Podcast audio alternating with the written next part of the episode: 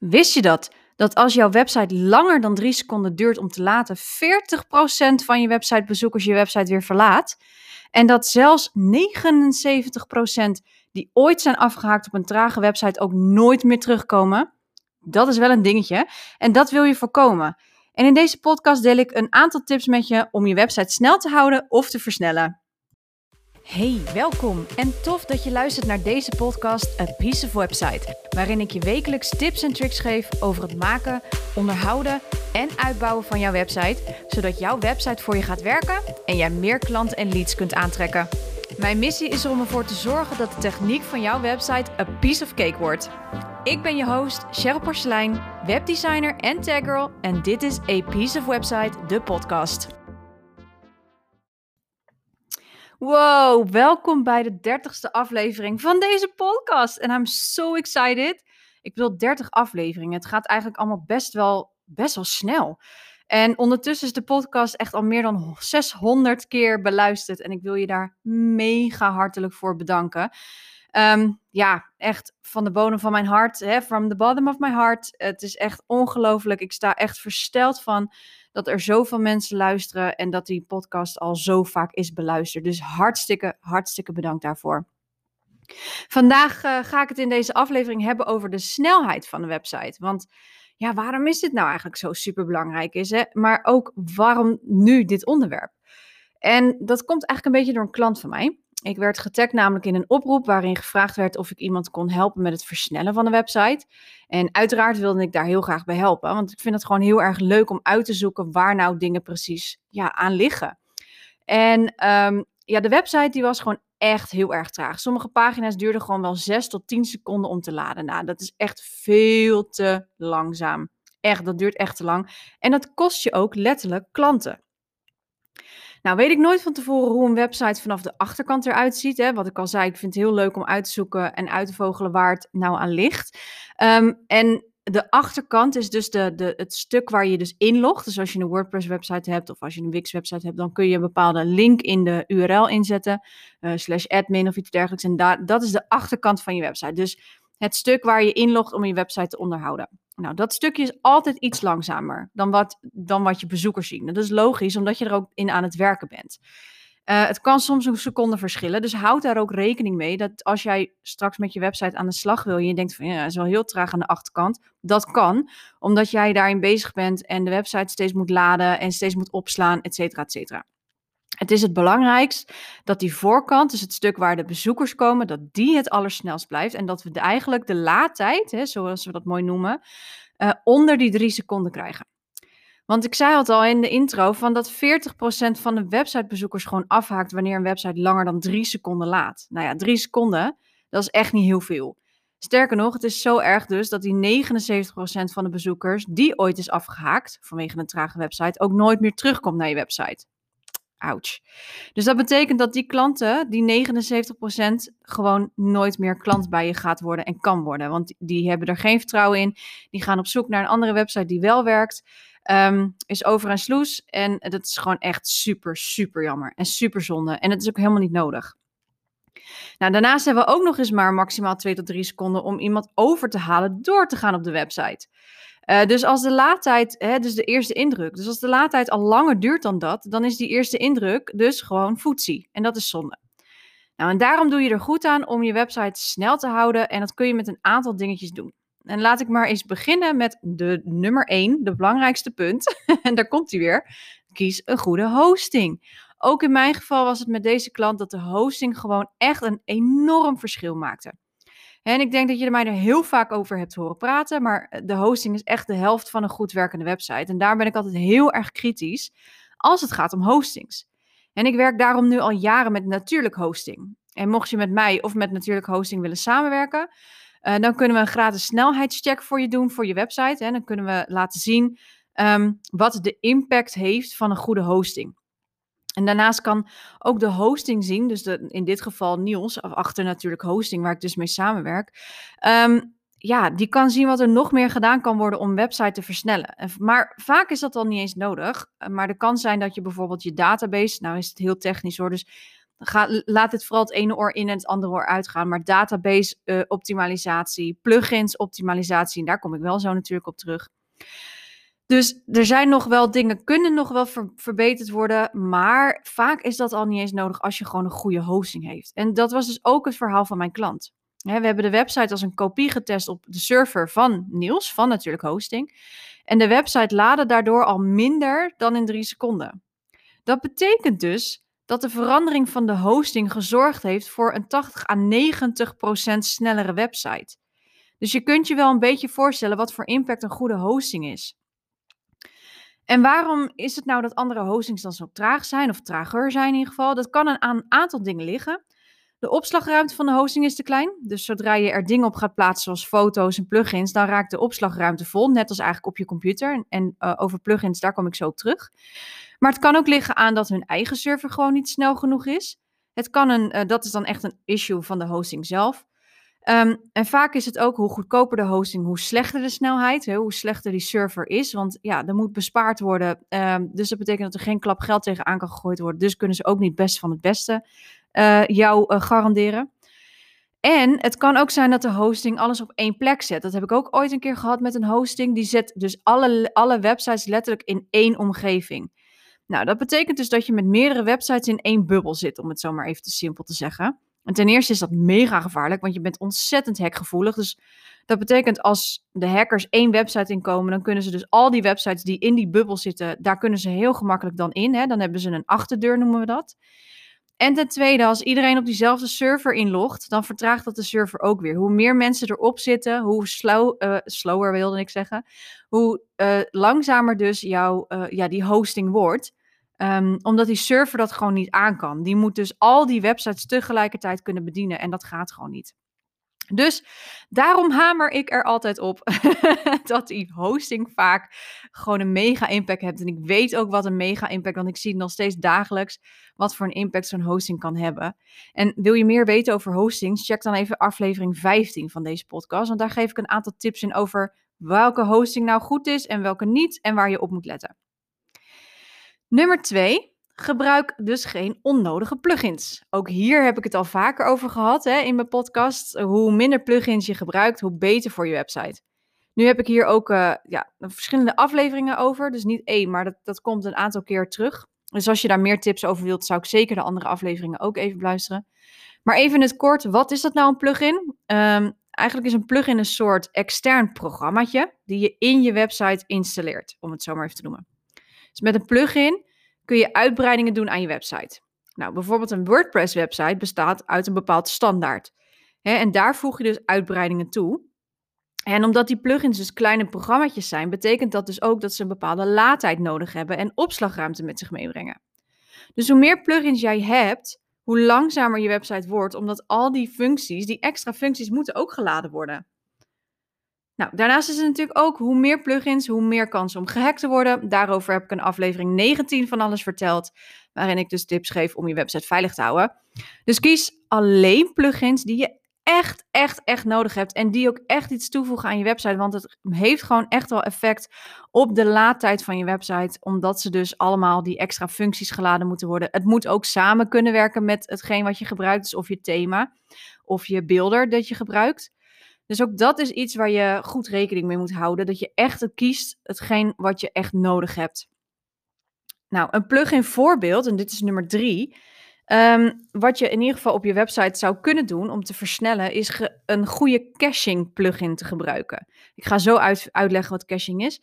Maar bijvoorbeeld WP, dus gewoon WP Rocket van, uh, van raket in het Engels, is een betaalde, uh, maar een heel goede plugin die ervoor zorgt dat je website sneller laat. Nou, wat caching doet, is dat zodra jij de website bezoekt, de website wordt opgeslagen in het geheugen van de browser waarmee jij je website bezoekt. En een browser is niets anders dan Google Chrome of Internet Explorer of Firefox of Safari. En dat betekent dat de browser de website een soort van onthoudt. En daardoor, als je dus een volgende keer op de website komt, of je gaat door de website heen klikken, is de snelheid van de website super snel, omdat hij hem niet meer hoeft te laden. De browser heeft dus de website opgeslagen. En daardoor heeft hij al een soort kopie gemaakt hè, voor jou, om het even plat te zeggen, zodat de website heel snel zichtbaar is. Dus hij haalt hem eigenlijk uit zijn geheugen. Maar dit is ook iets, caching, wat je goed moet hebben werken op je hosting. Dus ook bij je hosting, als jouw hosting dit niet aanbiedt of het blijft traag, dan is het bij hun dus ook niet helemaal goed. dus als je hostings gaat vergelijken, uh, check dan ook even altijd of er iets van caching aanwezig is in het pakket. Dat is, uh, caching is C-A-C-H-I-N-G. Dus als je daar ook even goed op let als je een hosting kiest, en natuurlijk hosting die heeft een hele goede caching uh, in de server zitten, dan geeft dat, ja, is dat ook gewoon al heel groot, geeft dat een heel groot verschil. Nummer 4. Laat niet te zware foto's. een veel voorkomende fout bij ondernemers is dat ze veel te grote, zware foto's op de site gaan uploaden. En dat komt omdat we graag hele goede kwaliteit foto's willen. Want we hebben een fotoshoot gedaan. Daar zijn we natuurlijk hartstikke trots op. Wat ik heel goed begrijp, want dat heb ik zelf natuurlijk ook. Uh, ik hou ervan om mooie foto's te hebben van mezelf en van mijn bedrijf. Um, maar zorg er wel voor dat ze gewoon klein blijven. En de meeste fotografen die weten ongeveer wel hoe groot de foto's moeten zijn om te kunnen uploaden op de website. Maar mijn advies is eigenlijk altijd. Um, ja, zorg dat, het, dat die zo klein mogelijk is. En niet klein in de zin van de breedte bij de hoogte, maar in de zwaarte. En daar kom ik zo op terug. Want het is wel zo hoe groter de opslagruimte op je hosting, hoe langer het duurt natuurlijk voordat je website echt traag wordt. Maar ga het ook niet uittesten alsjeblieft. dat ligt dan weer aan een goede hosting. Maar zware foto's moeten nog steeds geladen worden.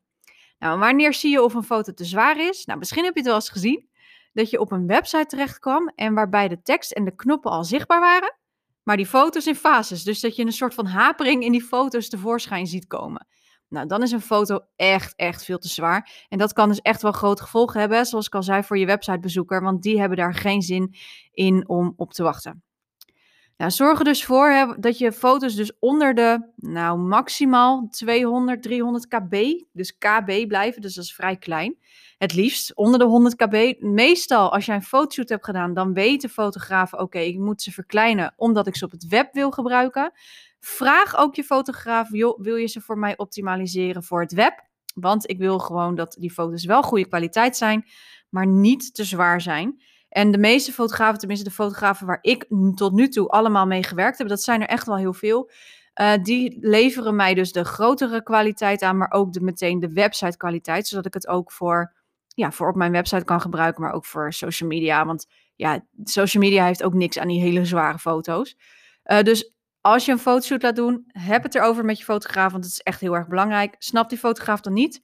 Zou ik toch serieus overwegen om een andere fotograaf te zoeken. Want het is tegenwoordig met het internet, um, is dat echt super belangrijk. Tenzij je natuurlijk foto's laat maken speciaal voor print. dus als jij het wil afdrukken op een canvas of als jij het wil afdrukken op hout, ja, dan is het een ander verhaal. Maar voor je website is het echt belangrijk dat je kleine foto's gebruikt. Of in ieder geval geen zware foto's gebruikt. Nou, gelukkig heeft WordPress daar een soort beveiliging voor. WordPress laat namelijk standaard foto's groter dan 1 MB, dus megabyte, 1 MB niet toe. Dus je kunt hem ook gewoon niet uploaden. Dus alles daaronder en het liefst dan zeg maar nog verder, dus onder die 500 KB, dus dat is kilobytes, dus dat is een stuk kleiner. Um, dat is prima. Maar in ieder geval, WordPress heeft daar dus een soort standaard ja, beveiliging voor. Dus jij kan eigenlijk bijna nooit een te grote foto uploaden, omdat WordPress dat niet toelaat. en dat weten zij natuurlijk, omdat ze weten, zij, zijn, zij gaan al zo lang mee, hè, dat WordPress, zij weten wat een effect het kan hebben um, op je site als je dus te zware foto's laat. Maar dit geldt natuurlijk niet alleen voor foto's. En ik misschien hoor het je denken, joh, maar ik heb ook video's en audio's. Ja, dit geldt natuurlijk ook voor audio- en videobestanden. En mijn advies daarin is om eigenlijk altijd uh, je video's en je audio's extern op te slaan. Hè? Dus uh, uh, bijvoorbeeld op een SoundCloud of Vimeo of YouTube. Um, en daar, daarna je, je audiobestand of je videobestand te embedden. En embedden is insluiten op je website.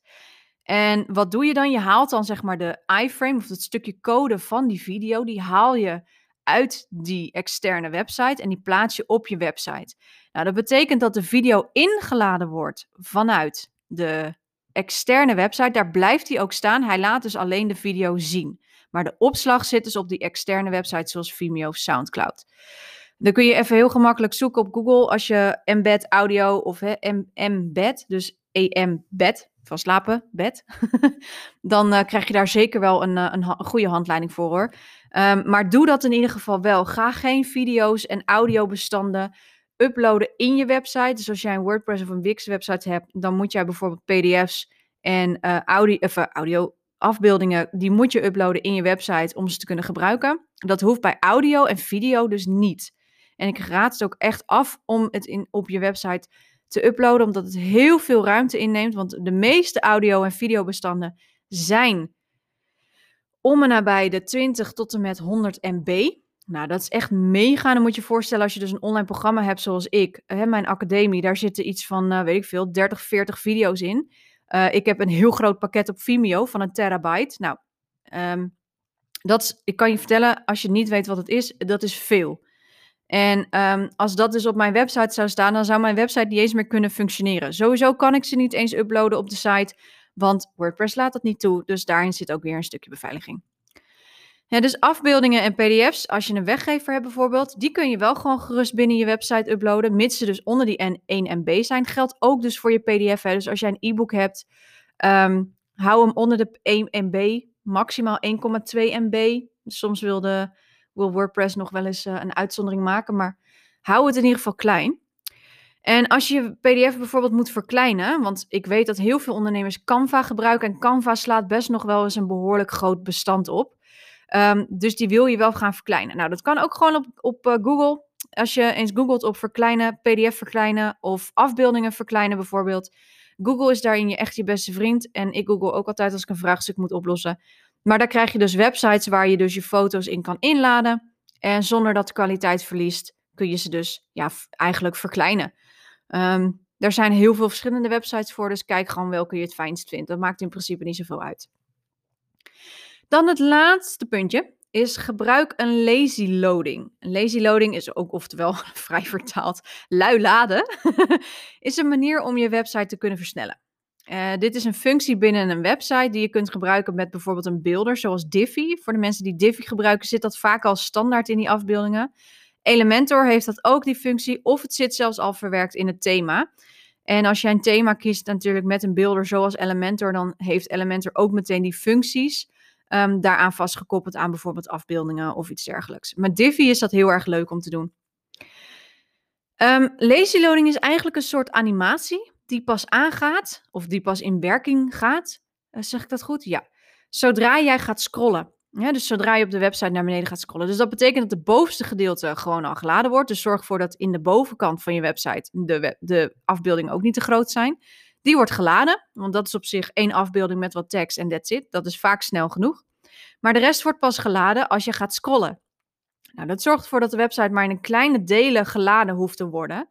Uh, waardoor de browser dus niet alles meteen hoeft op te slaan. Dus de server hoeft niet alles in één keer te laden en daardoor blijft de website dus sneller. Nou, misschien heb je het wel eens gezien op een website, dat je ineens een afbeeldingen ziet infaden. Hè? Dus als je gaat scrollen, dat je een animatie ziet of zo. Of dat je bijvoorbeeld iets van boven naar beneden ziet schuiven, sliden. Of dat je van links naar rechts of uit, uit, ja, uitveden. Ik weet er even niet het goede uh, vervagen, hè? noemen we dat dan in Nederlands. um, dus dat zorgt ervoor dat de website gewoon ja, net even wat sneller blijft. Het blijft ook nog eens dat uh, het er gewoon heel mooi uitziet. Beweging in je website, website in je website kan men dus ook nog scherp houden. Want um, ja, beweging triggert weer eventjes van, oh, wat was dat? Dat was interessant. En het houdt mensen scherp. En daardoor blijven ze nog wel eens langer op je website. Dus ook daar zit weer een win-win in.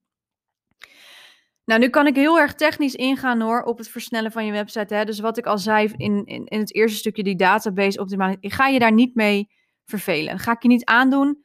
Um, de podcast heet niet voor niets Epice Website. En ik kan mij heel goed voorstellen dat je met deze vijf punten echt al best een bak aan informatie hebt. Mocht je hier dus vragen over hebben, meld je dan even aan voor de Facebookgroep A Piece of Website. Stel daar gewoon je vraag in, dan beantwoord ik voor je, uh, hem voor je. Um, of kijk ik even met je mee. De groep is geheel gratis, dus schroom vooral niet. Blijf ook echt niet met die vraag zitten. Maak gebruik van, mijn, van mij, mijn expertise en de community. Want ik zou het echt heel zonde vinden um, als je daardoor dus niet verder kunt. En er zijn ook heel veel tools ook om je website te meten. Ga ik je ook allemaal niet mee vervelen vandaag, want Um, ja, het is gewoon echt heel veel wat ik je vandaag heb verteld. Ik zal het nog even kort herhalen. Nummer 1 was dus kies een goede hosting. Nou, daar hoef ik verder niet over uit te wijden. Nummer 2 was gebruik dus geen onnodige plugins. Nummer 3 gebruik een goede cache plugin. Dus WP Rocket. Daar zou ik echt, als je toch iets uh, te besteden hebt, zou ik echt wel even investeren in dat soort dingen. Want het gaat je echt wel, echt wel helpen. Nummer vier is laat niet te zware foto's. Dus zorg ervoor dat je foto's, pdf's, dat die zo klein mogelijk zijn. En zorg ervoor dat dus audio- en videobestanden extern staan op een Vimeo, op een YouTube of voor je audiobestand op een Soundcloud of een Anchor, zoals ik dus gebruik voor deze podcast bijvoorbeeld. En nummer vijf, als laatste de lazy loading, het luie laden, om het zo maar even te vertalen. Dat zorgt ervoor dat je website sneller blijft, sneller laat en het er ook nog eens heel erg chic uitziet. nou, bij deze sluit ik deze podcast weer af. Dankjewel weer voor het luisteren en uh, tot volgende week. Doeg! Hey, super tof dat je luisterde naar deze podcast. Dankjewel. Voor je gaat, ik wil je nog even een paar dingen vragen. Wil je geen podcast missen? Abonneer je dan even. Klik in je podcast-app op de button subscribe of abonneren. Piece of cake, toch? Ook zou ik het echt te gek vinden als je een review via je podcast-app achterlaat bijvoorbeeld via iTunes. En naar bonuspunten als je mijn podcast doorstuurt naar iemand waarvan jij denkt dat hij of zij er ook iets aan heeft. En als laatste, ik vind het altijd heel erg leuk om berichtjes te ontvangen van luisteraars. Om te horen wat ze van de podcast vinden. Of misschien heb je vragen of suggesties. Misschien heb je wel een inzicht gekregen van een aflevering. Of ben je zelfs in actie gekomen. Stuur mij dan even een DM via mijn Instagram, Porselein. Of maak een screenshot van een van de afleveringen in je Insta-stories en tag mij. Hoe meer ondernemers de podcast horen, hoe meer ondernemers ik kan helpen. Nogmaals, dankjewel voor het luisteren en tot de volgende aflevering.